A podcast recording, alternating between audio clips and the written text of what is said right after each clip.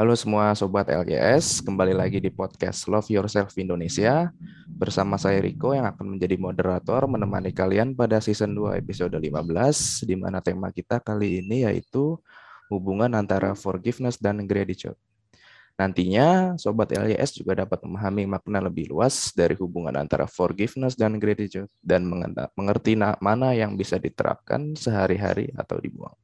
Oh ya teman-teman, Sebelumnya, dikarenakan masih bernuansa lebaran, saya dan segenap tim LYS mengucapkan mohon maaf lahir batin buat semuanya ya.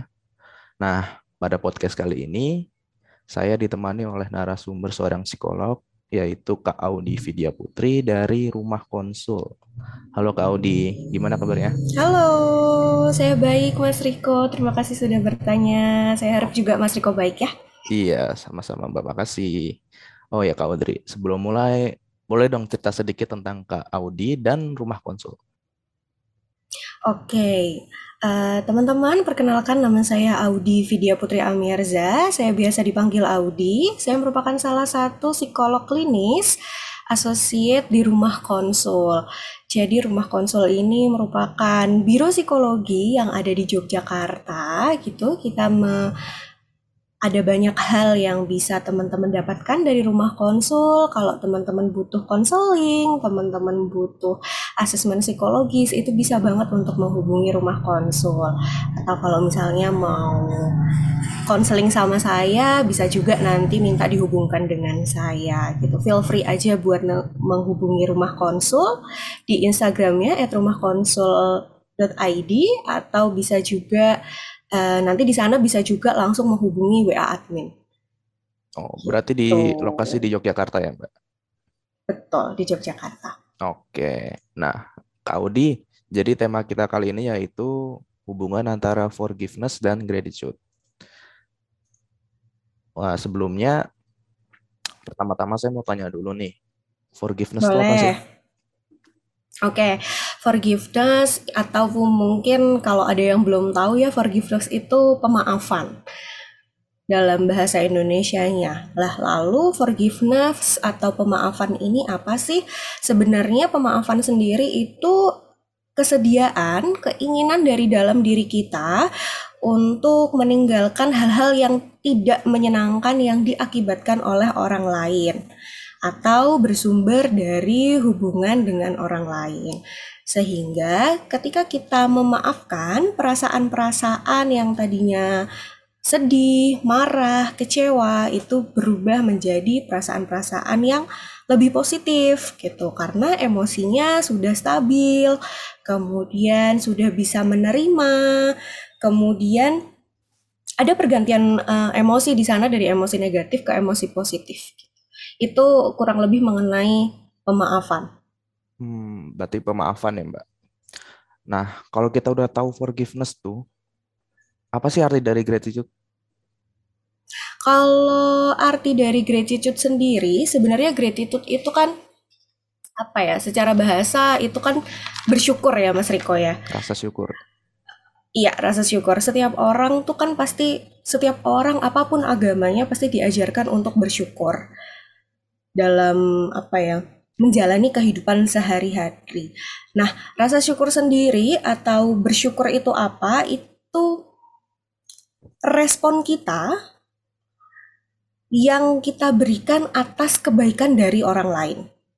Jadi kita mengapresiasi orang-orang atau ya lingkungan sekitar kita yang memberikan kebaikan kepada kita itu kita apresiasi gitu. Mengakui bahwa orang lain itu bermurah hati kepada kita gitu sehingga kita pun juga merasakan hal-hal yang positif. Kemudian kita juga menyadari bahwa yang diberikan kepada kita itu berharga dan bermakna. Sehingga timbul tuh rasa kayak kita pengen ngebales nih gitu. Tapi ngebalesnya kadang nggak hanya misalnya Mas Riko berbuat baik sama saya terus saya ngebales Mas hmm. Riko ya itu itu nggak hanya seperti itu. Bisa jadi kebaikan yang Mas Riko kasih ke saya saya terima. Kemudian karena saya bersyukur Mas Riko sudah baik sama saya saya lakukan juga ke orang lain. Oh oke. Okay. gitu. Gitu. Itu bersyukur atau gratitude. Nah, uh, jika kita sudah menerapkan forgiveness dengan baik nih Mbak, apakah mm -mm. bisa secara langsung menerapkan gratitude?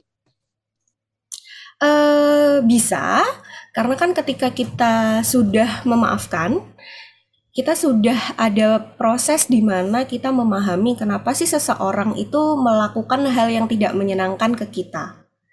Kemudian uh, karena kita memaafkan emosi-emosi yang ada dalam diri kita itu menjadi lebih positif.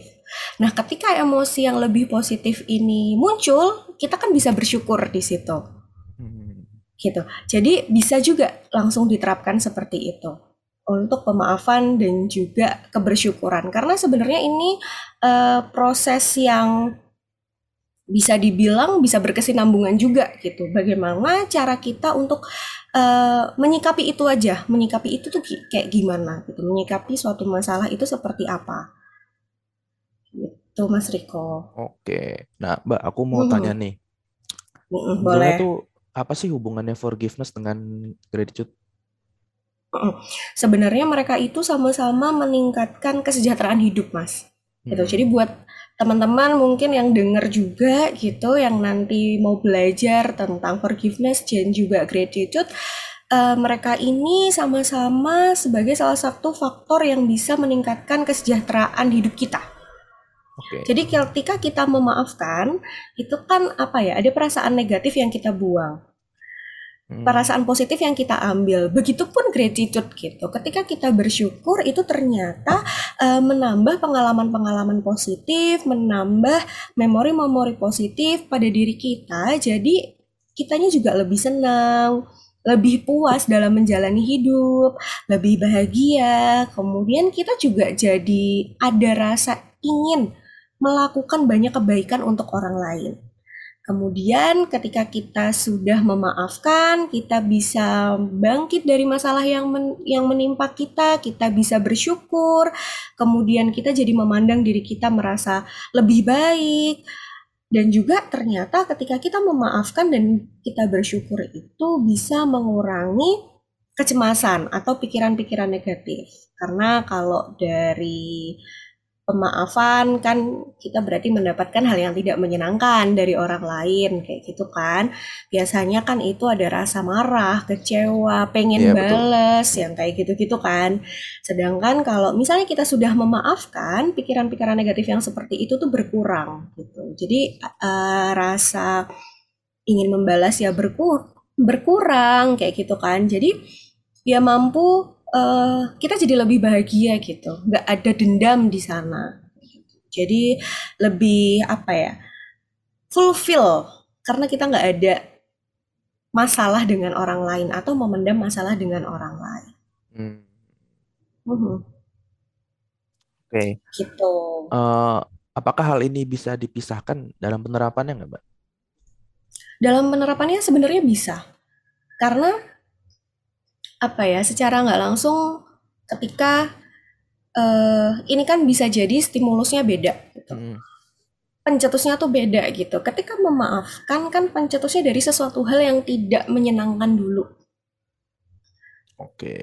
Dapat hal-hal yang tidak menyenangkan, kemudian diproses di dalam diri, baru nanti setelah proses yang mungkin memakan waktu karena proses memaafkan itu antara satu orang dengan orang lain itu kan beda-beda ya.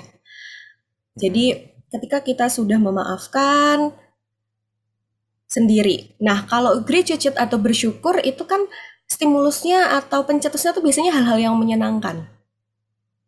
Beda di beda di pencetusnya kayak gitu. Jadi ketika pertanyaannya adalah bisa nggak dilakukan sendiri-sendiri? Ya bisa aja. Tapi kemudian dari stimulus yang tidak menyenangkan, kita memaafkan, kemudian kita bersyukur, itu juga bisa gitu. Sendiri-sendiri bisa, dijadikan satu juga bisa karena mereka bisa berkesinambungan. Oke, berarti bisa ya Mbak ya? Baik sendiri-sendiri. Bisa, bisa. Hmm. Oke, nah nanti itu dampaknya apa ya yang akan terjadi kalau kita tidak memiliki memiliki keduanya atau cuma salah satunya aja gitu? Oke, sekarang coba dibayangin ya, kalau kita nggak memiliki keduanya atau nggak memiliki salah satunya. Ketika kita nggak bisa memaafkan orang lain atau nggak punya rasa ingin memaafkan kayak gitu. Kebayang nggak hidup kita bakalan penuh dengan hal-hal negatif, hidup kita penuh dengan kecurigaan, aduh jangan-jangan nanti dia gitu lagi deh, nanti aku disakitin lagi deh, kayak gitu. Hmm. Terus kebayang nggak kayak misalnya dendam sama orang gitu. Dendam itu secara nggak langsung secara sadar atau tidak sadar itu kan mempengaruhi pikiran kita ya. Dan pikiran itu kan mempengaruhi perilaku, mempengaruhi emosi. Bayangin aja kalau kita benci atau dendam sama semua orang, kan emosinya negatif tuh yang ngalir gitu. Kalau bahasa anak sekarang nanti vibes-nya jadi negatif kayak gitu yeah. ya. Iya jadi nggak enak pembawaannya dan orang-orang di sekitar kita disadari atau enggak itu merasa kalau misalnya kondisi kita lagi nggak oke okay, atau emosi kita lagi dipenuhi dengan emosi-emosi negatif. Mungkin Mas Riko, teman-teman yang mendengarkan itu juga tahu lah ya kadang ada teman yang kok dia bad vibes banget sih kayak gitu. Nah, hmm. mungkin bisa jadi seperti itu. Atau kalau misalnya nanti kita tidak memaafkan kayak gitu ya kita sulit kan untuk mencapai kebahagiaan, sulit untuk mencapai kesenangan diri sendiri karena kita selalu beranggapan bah ada orang-orang yang bakal jahat sama kita, padahal nggak semuanya seperti itu.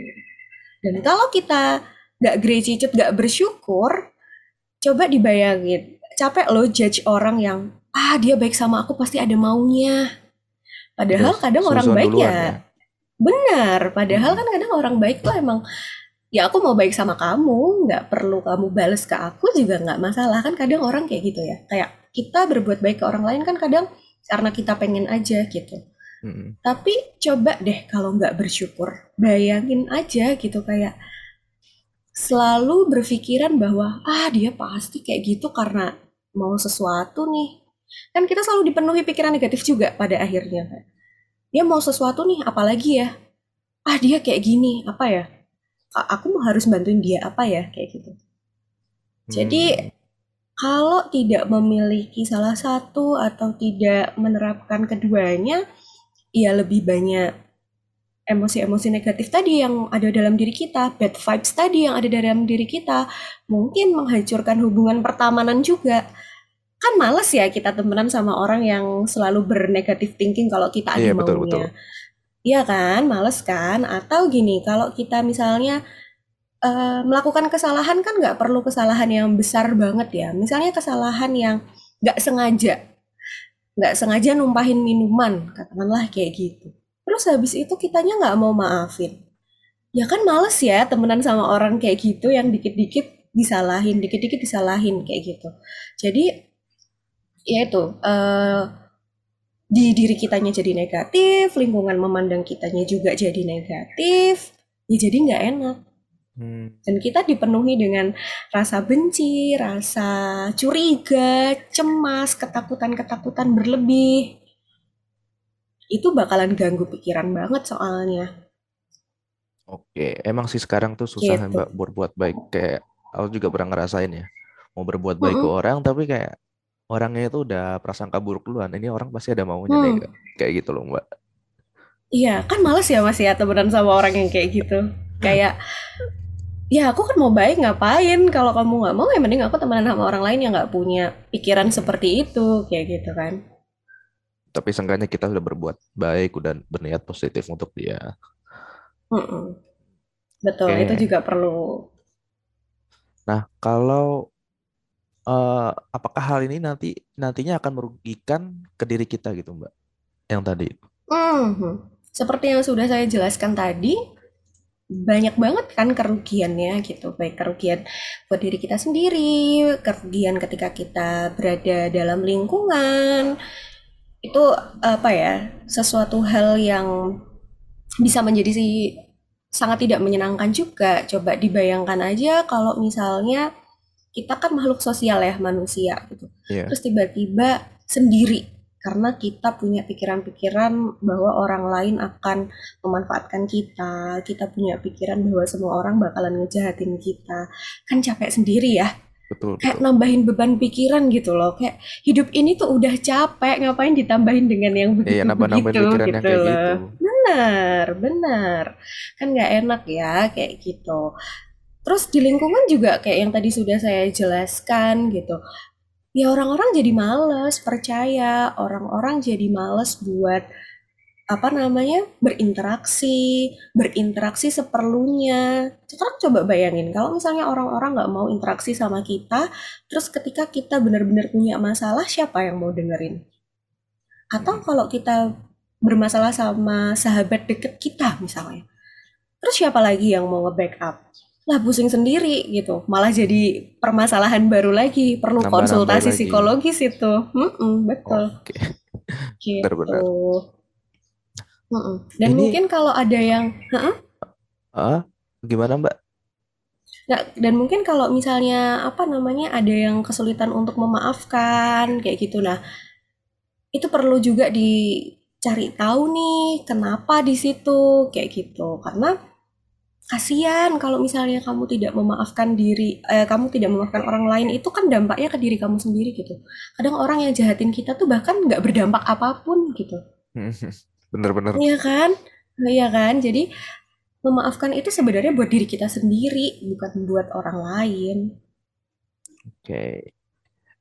Ini seberapa besar dampaknya Mbak untuk orang lain? Yang mana? Eh, yang barusan kita omongin. Yang barusan kita omongin. Oke, kalau dampak besar untuk orang lain, eh, sekarang gini deh. Mendingan kita tuh ngomongin dampak ke diri kita. Karena orang lain itu kan nggak bisa kita kontrol. Kita cuma bisa kontrol diri kita sendiri. Gitu. Jadi eh, ketika kita memaafkan, ketika kita bersyukur, itu dampak yang paling besar untuk diri kita sendiri. Tapi setelah kita memaafkan dan setelah kita bersyukur, seperti yang sudah saya jelaskan tadi, bahwa pasti ada keinginan untuk melakukan hal yang baik buat orang lain. Nah, berarti dampak bagi orang lain, kita jadi bisa apa? Membantu.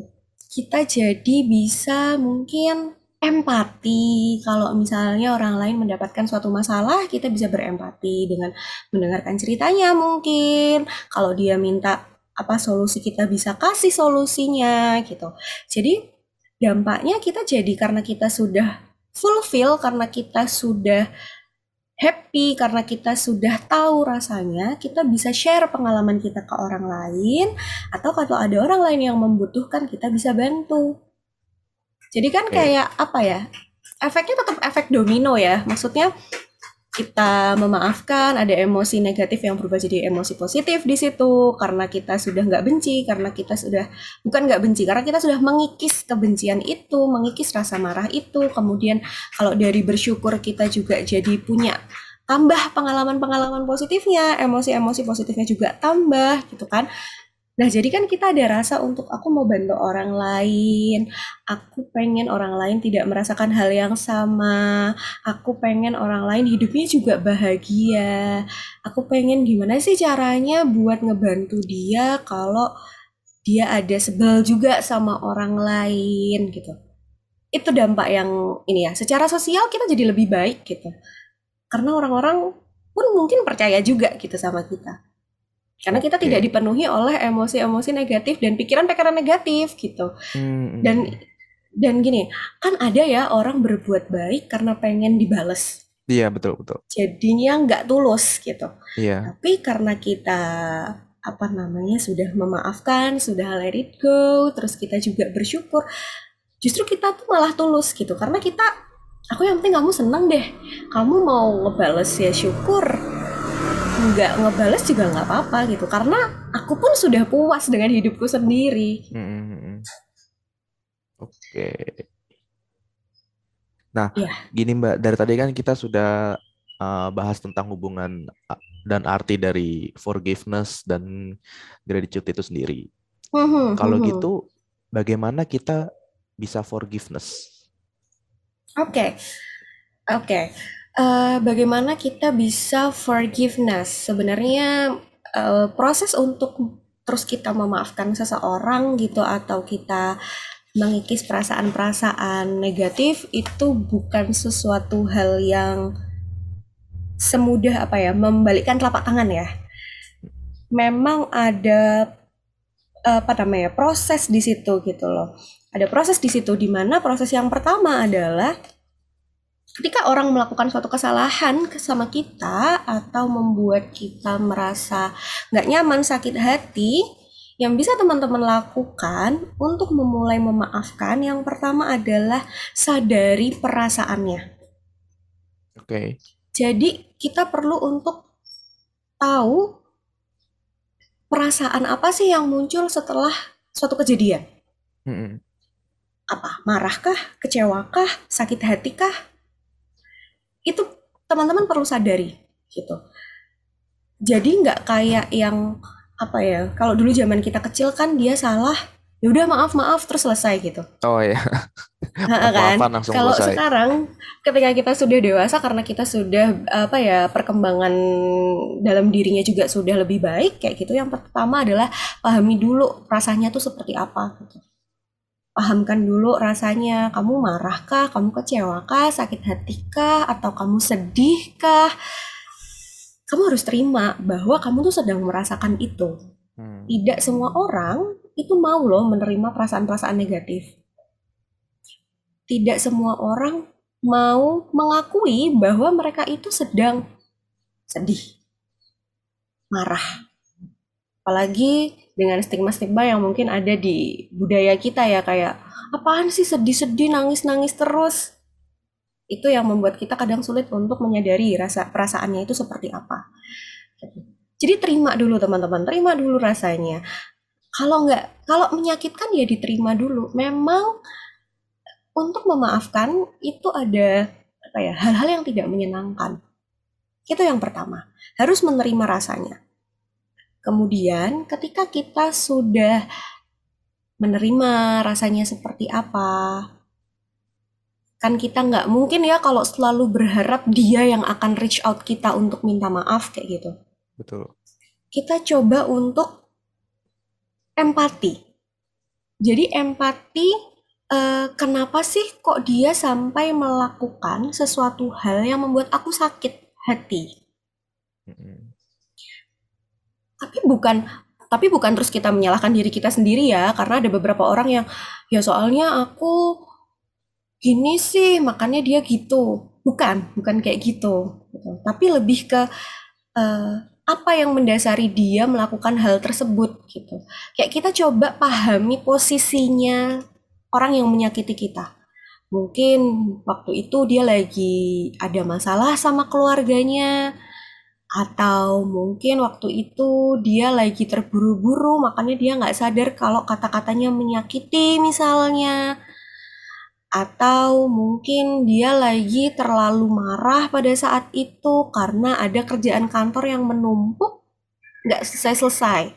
Habis dimarahin bos kayak gitu. Terus bikin kita jadi merasa apa namanya terus dia melimpahkan ke kita misalnya seperti itu Nah gitu, jadi kita bisa memandang permasalahan ini dari sudut pandang perilaku. Ada apa di situ? Kenapa dia sampai seperti itu?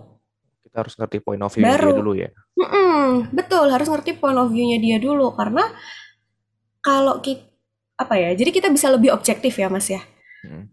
Jadi kita bisa lebih objektif untuk melihat sesuatu gitu. Dan kita menyadari juga, oh dari apa yang dia begitukan, apa yang kita rasakan. Itu itu kita menyadari itu dulu. Okay. Baru setelah itu uh, memikirkan nih, kita pikirkan nih, memaafkan gimana ya gitu. Menyadari pentingnya memaafkan gitu kayak kalau memaafkan hubungan aku sama dia bisa lebih baik mungkin ya kayak gitu. Jadi kita memandang uh, ketika kita memaafkan dia apa saja sih hal-hal positif yang bisa kita dapatkan dari hubungan ini gitu baik hubungan pertemanan, hubungan sama bos, hubungan sama pasangan, mungkin keluarga, kayak gitu.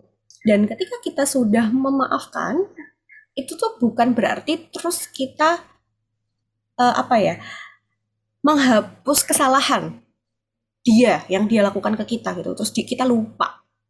Nggak nggak nggak kayak gitu gitu. Tapi kita tuh lebih ke merubah kesan yang timbul. Jadi uh, tadi ketika berkonflik terus kita sakit hati, kalau kita sudah proses memaafkan, kalau kita ingat lagi konfliknya, itu tuh sakit hatinya sudah berkurang. Atau paling enggak ya udah biasa aja. Jadi kita tuh tidak melupakan, tapi kita apa ya, rasanya itu dibuat lebih positif lagi, lebih nyaman, kemudian lebih kayak kita jadi bisa menceritakan permasalahan ini ke orang lain gitu kan. Kadang kalau kita punya masalah kita bisa ya tapi sekarang sih ya udahlah orang mah kayak gitu tuh mungkin ada alasannya. Nah kita tuh bisa bisa cerita kayak gitu gitu loh ke orang lain. iya, jadi iya. nggak jadi nggak nggak terus yang aku tuh sakit hati banget ya sama dia. Nggak yang kayak gitu lagi. Tapi ya udahlah waktu itu aku sih sakit hati tapi sekarang sekarang udah biasa aja. Udah menerima ya. Makanya mm -mm, makanya uh, makanya itu saya tadi di awal juga bilang bahwa ini tuh tidak semudah membalikkan telapak tangan gitu karena ada proses banyak banget proses di dalam diri kita gitu ya dari sisi kognitif untuk memikirkan dari sisi dia juga kemudian dari emosi menyadari perasaan kita jadi dari perilaku dari yang mungkin sebelumnya menjauh kemudian jadi lebih dekat gitu. Dan itu tuh kompleks sekali sebenarnya. Makanya antara satu orang dengan orang yang lain untuk memaafkan itu bisa aja beda, beda beda waktu. Beda waktu, padahal mungkin kejadiannya sama kayak diselingkuhin katakanlah. Hmm. Mungkin si A bisa survive dengan lebih cepat, si B lebih lama kayak gitu ya. Karena itu tadi kita tidak bisa terus semua orang harus sama memaafkan dengan cepat gitu nggak bisa karena yang sulit adalah menerima bahwa sebenarnya kita tuh sakit. Menerima bahwa sebenarnya kita tuh sedih. Menerima kalau kita tuh kecewa. Itu sulit banget. Banyak orang yang bahkan nggak sadar kalau ternyata dia itu ngerasa sedih, dia itu ngerasa marah, sakit hati, dia itu ngerasa emosi-emosi negatifnya itu banyak. Itu tuh banyak yang nggak mau mengakui itu gitu. Dan kalau misalnya belum mau mengakui ya proses pemaafannya akan terhambat di situ. Karena tetap ada yang dipendem kan sebenarnya. Iya, iya. Masih ada yang nyanto. gitu. Betul. Oke, nah itu kan tentang forgiveness nih Mbak. Bagaimana caranya? Nah sekarang gimana kalau bagaimana kita bisa gratitude? Oke, gimana kita bisa gratitude? Jadi kalau tadi forgiveness itu hal-hal yang tidak menyenangkan, kalau gratitude ini kan dapatnya hal-hal yang menyenangkan ya. Hmm. Jadi ketika ada hal yang membuat kita senang, itu kita hayati dulu rasanya seperti apa, senangnya gimana, kita nikmati dulu. Terus kita pahami bahwa itu adalah berkat, berkah yang diberikan gitu. Kemudian kita bisa refleksi diri gitu dari kebaikan yang diberikan dampaknya buat kita tuh apa gitu. Uh, senikmat apa sih hal tersebut bagi diri kita? Gitu. Biasanya kalau kita terus udah tahu nih kalau misalnya aku dikasih permen aku seneng nih misalnya kayak gitu ya. Hmm. oh rasanya dikasih permen tuh gini toh. Oh rasanya dikasih permen tuh uh, bikin moodku naik toh atau kalau aku lagi kuliah lagi ngantuk dikasih permen ternyata bikin aku nggak ngantuk. Akhirnya caranya untuk menunjukkan bahwa dia itu senang karena udah merefleksi kebaikan refleksi kebaikannya tuh yang tadi saya ceritakan kayak oh ini rasanya. Itu kan refleksi ya. Tuh. Terus gimana caranya kita menunjukkan rasa bersyukurnya? Ya dengan kita juga berbagi kepada orang lain kayak gitu berterima kasih juga sama yang ngasih otomatis ya kalau itu tapi kita berbagi dengan orang lain jadi kita merasakan nikmatnya uh, menyenangkan orang lain hmm. Gitu. jadi yang perlu disadari adalah bahwa yang pertama kali adalah ya orang itu berbuat baik sama kita dihayati dulu, dipahami dulu, baru nanti kita juga bisa berbuat baik kepada orang lain karena kita udah tahu sensasinya tuh apa. Oke. Oke. Nah, ini Mbak, aku ada pertanyaan terakhir nih. Boleh. Nah, apakah forgiveness dan gratitude itu bisa dilatih sejak dini? Bisa. Hmm. Bisa dong, bisa banget kayak gitu. Jadi Gimana tuh, Kak? sejak dini kan mungkin dari anak-anak ya.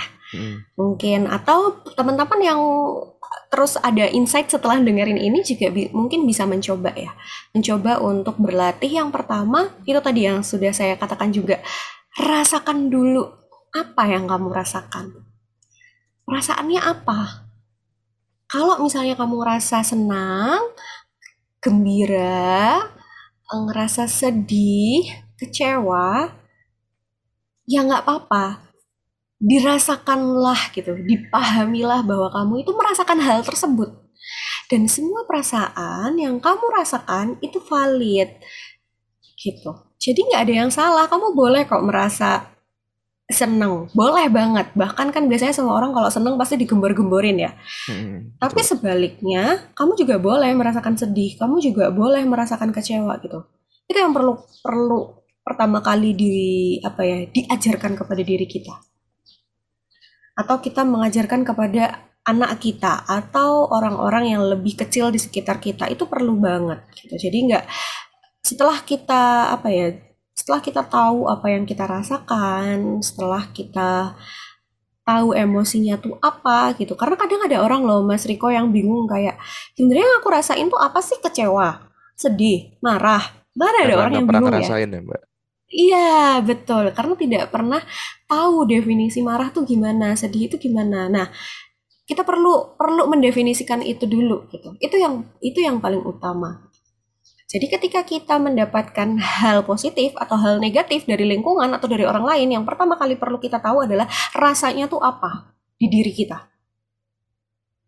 Nah, baru tuh setelah itu ketika kita sudah memahami rasanya, baru kita bisa apa ya berbuat lebih gitu berbuat lebih itu gimana ya berbuat lebih itu kalau gratitude nanti kita mulai memahami rasanya senangnya seperti apa lalu akan ada pertanyaan apa nih yang bisa aku lakuin biar aku juga merasakan hal yang sama? Oh. Gitu. Yang penting kita kalau di dulu ya. benar benar itu yang utama. Jadi yang penting adalah kita pahami dulu rasanya tuh gimana gitu. Itu itu modal utamanya. Hmm. modal utamanya. Karena kalau kita nggak paham rasanya gimana, bisa jadi nanti kita dendam, bisa jadi kita dipenuhi dengan uh, pikiran negatif, kayak nah, nanti jadinya takut orang lain. Ya? Mm-mm, gitu. Jadi semuanya diawali dengan perasaan dulu. Ketika perasaannya udah kelar nih, udah udah tahu nih, baru nanti move ke tahap selanjutnya. Tahapan yang kalau pemaafan tadi ya berarti mulai ada empati di situ. Kalau di gratitude ya refleksi diri apa yang disenangi, apa yang membuat merasa apa ya uh, nikmat apa yang sudah diberikan yang gitu-gitu. Oke. Oke. Mbak Audi terima kasih ya. Tidak terasa nih kita sudah berbincang cukup lama dengan Kak Audi dah setengah jam lebih ya. Nah, habis ini semoga dengan diadakannya podcast barusan dengan tema hubungan antara forgiveness dan gratitude ini Diharapkan para sobat LJS dan para penonton yang lain dapat mengerti dan memahami bahwa hubungan antara forgiveness dan gratitude itu akan memberi efek yang sangat positif untuk kita, untuk kesejahteraan mental yang lebih baik dalam kehidupan. Terakhir, uh, jangan lupa follow Instagram Love Yourself Indonesia at love yourself underscore Indonesia dan rumah konsul apa nih mbak rumah konsul Instagram Oke, okay, bisa nih di rumah konsul at rumahkonsul.id. Hmm, di sini nanti teman-teman bisa konsultasi soal psikolog ya Mbak ya? Ya, soal permasalahan psikologis yang teman-teman rasakan. Atau misalnya mau cerita-cerita juga nggak masalah, bisa. Hmm, Oke, okay. teman-teman follow rumah konsul underscore ID. Nah, cukup sekian podcast kita hari ini. Terima kasih untuk Kak Audi. Saya selalu sukses terus buat rumah konsul. Oke, okay, bye-bye. Thank you, Mas Riko. Bye-bye.